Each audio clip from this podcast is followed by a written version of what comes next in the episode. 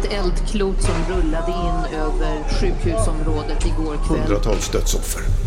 Uppgifter om flera hundra döda efter sjukhusbombningen i Gaza. We could see bodies of children piled up, body parts everywhere in the courtyard of the hospital. Kriget mellan Israel och Hamas har nu pågått i snart två veckor och de civilas lidande i Gaza är enormt. We Palestinians are facing genocide, complete genocide and comprehensive humanitarian crisis.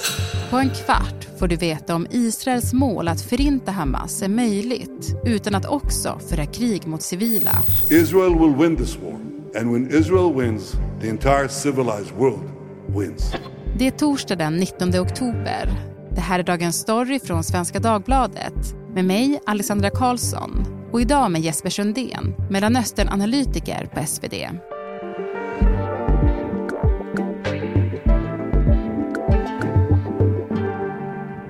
Jesper, för mig är det helt ofattbart att förstå hur någon kan bomba ett sjukhus. Alltså sjukhus ska ju vara en fredad plats, även i krig. Vad tänkte du när den nyheten kom att ett sjukhus i Gaza hade sprängts? Ja, det var fruktansvärt förstås. Det var ju ett sjukhus dit också väldigt många människor har tagit sin tillflykt för att de är rädda för att bli drabbade av luftangrepp eh, där de befinner sig, men de tänkte att sjukhuset var en trygg och säker plats. Mm. Vi spelar in den här podden på onsdag vid lunchtid och just nu går ju uppgifterna verkligen isär om vem som ligger bakom den här bombningen. Jag tänkte att vi kan börja med att höra vad Palestinas FN-sändebud Riyad Mansour säger.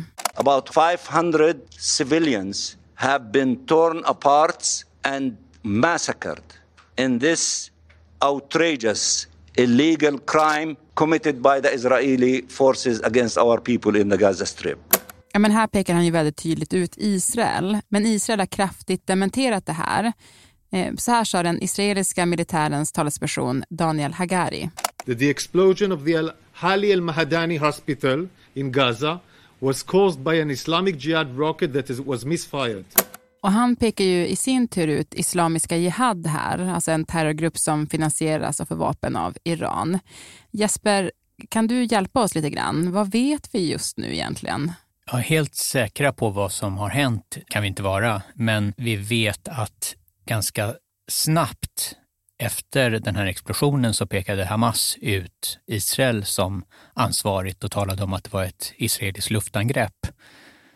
Idag, onsdag, då, så har ju israeliska armén presenterat olika bevis för att det inte handlade om ett luftangrepp och att det inte handlade om dem som låg bakom den här, utan tvärtom då Islamiska Jihad som har skickat ett antal raketer mot Israel och i exakt nästan samma sekund träffade någonting sjukhuset och det blev en, en stor explosion.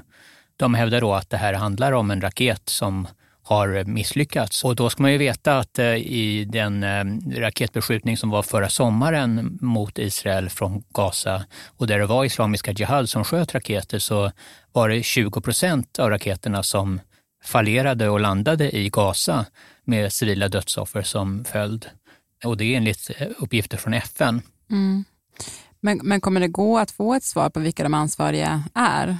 Jo, men det tror jag. Det finns ju många länder och aktörer som har satellitövervakning och så vidare.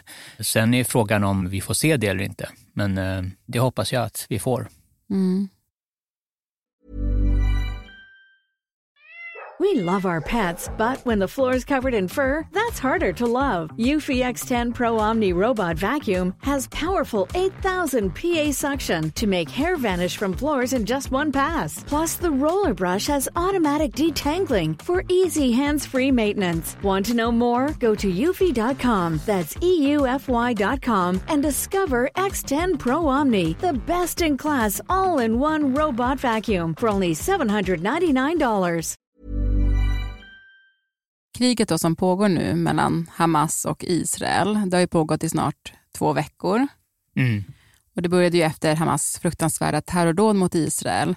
Där man också tog många israeler som gisslan. Och de finns ju i Gaza nu. Mm, mm. Hur påverkar det Israels krigföring? Ja, det är ju svårt. Det finns både israeliska gisslan och eh, många från andra länder, bland annat USA.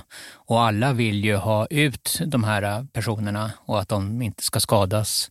Och det är säkert en bidragande orsak till att det som man tidigt pratade om, en stor markoffensiv in mot Gaza, att det, att det inte har blivit av. Därför att man faktiskt inte vill skada de här, den här gisslan och att man vill få ut dem. Israel är ju det här med, med gisslan en, en stor sak. De anhöriga är väldigt, har, har tagit strid för att gisslan ska släppas och att man inte ska gå in med militärt förrän de är fria. Och för ett antal år sedan så släppte ju Israel tusen fångar, Hamas-fångar, för att få eh, en soldat, Gilad Shalit, fri. Israeli conscript Gilad Shalit was just 19 when he was kidnapped by Hamas militants and spirited into Gaza. Today, Israel bought his freedom with the release of more than a thousand Palestinian prisoners. Och nu handlar det om 150-160 gisslantagna. Det talas ju om, Hamas själva har talat om att ja, men vi borde kunna få loss 5 000 man. Mm, men eh, det är en känslig fråga. Mm. Men vet man om det pågår förhandlingar om, om det nu? Jo, men det tror man absolut att det pågår förhandlingar, även om man inte vet så mycket om det. Mm. Om vi stannar kvar i Gaza och situationen som är där för civilbefolkningen, så var den ju jättesvår även innan den här sjukhusbombningen. Hur är det att leva där just nu? Ja, det är ju fruktansvärt svårt. Eh, Israel har ju stängt av elen och vattnet. De stod för visserligen bara 10 procent av vattenförsörjningen, men elen krävs för att avsalta det vatten som de har. De har, de har mycket bräckt vatten. När de inte har el så får de dricka det här bräckta vattnet som inte är, är bra. Mm. Så att eh, det är svårt och eländigt på många sätt och hundratusentals befinner sig ju på flykt från norra Gaza också. De har ingenstans att sova, de har inte tak över huvudet ens. Alltså de kanske sover i, i öknen vid gränsen till Egypten och Egypten vägrar öppna gränsen. Många skulle säkert vilja fly in dit men eh, än så länge så håller Egypten gränsövergången stängd. Mm. Israels mål är ju att förinta Hamas. Går det att göra det utan att också föra ett krig mot civila palestinier? Det måste man nog säga är väldigt svårt. Gaza är ju oerhört tättbefolkat och eh, Hamas rör sig ju bland civilbefolkningen. Och eh, det kan även vara så att eh, Hamas är också civila.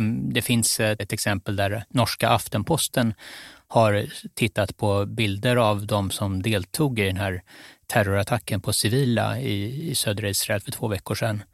Och då har de med hjälp av ansiktsigenkänning kunnat se att åtminstone en av de här äh, terroristerna har varit eh, polis i Gaza, ett civilt yrke.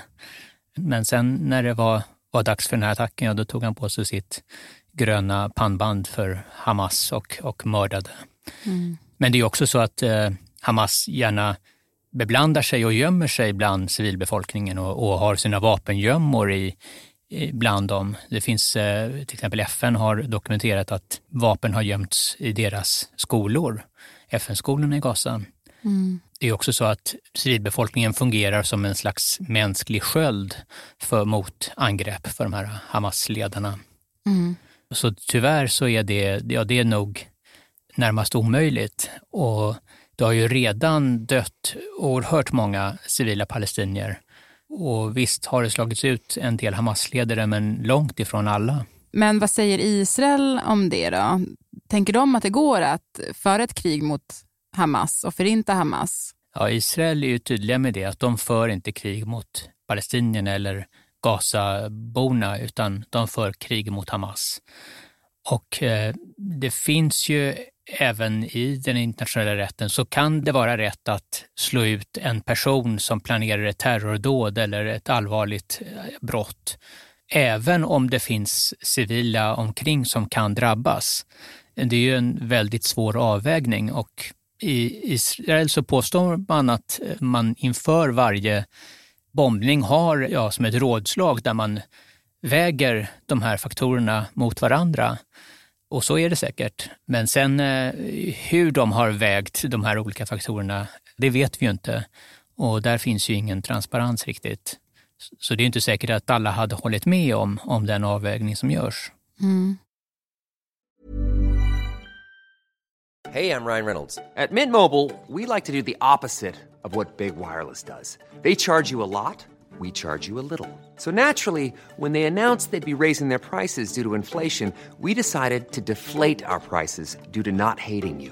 That's right. We're cutting the price of Mint Unlimited from $30 a month to just $15 a month. Give it a try at mintmobile.com slash switch. $45 upfront for three months plus taxes and fees. Promo for new customers for limited time. Unlimited more than 40 gigabytes per month. Slows. Full terms at mintmobile.com. Det är många som vill få slut på det lidande som, som pågår nu.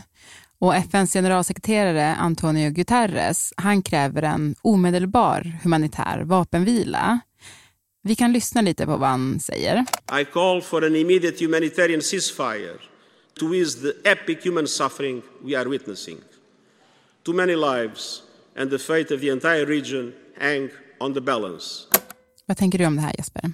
Ja, FN har ju klargjort att det här med en kollektiv bestraffning mot hela Gazas befolkning, att stänga av vatten och el, inte är tillåtet enligt folkrätten. Och eh, nu har det snart gått två veckor sedan den här terrorattacken och blockaden inleddes.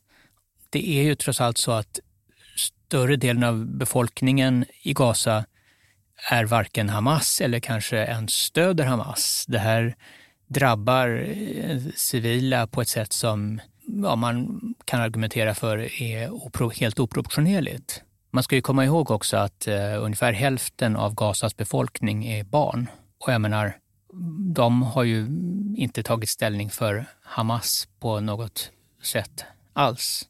Mm. De är barn. Och de drabbas också väldigt hårt. De drabbas väldigt hårt. Mm. Det, det, är väl ganska sannolikt att en av de saker som Joe Biden under sitt besök i Israel kommer att försöka propagera för är att man ska släppa in humanitär hjälp och delvis åtminstone avbryta den här blockaden. Ja men precis. USAs president Joe Biden är ju där nu. Vad ska han göra? Ja, han skulle ju ha träffat eh, Benjamin Netanyahu och eh, även eh, Jordaniens kung och Palestinas president Mahmoud Abbas och Egyptens president Sisi för att både visa sitt starka stöd för Israel och för att eh, avskräcka andra länder som Iran eller Libanon och Syrien som kanske överväger att ge sig in i den här eh, kampen mellan Hamas och Israel och attackera Israel. Eh, men han vill också bidra till en avspänning med USAs andra allierade i regionen, som, som Egypten och Jordanien.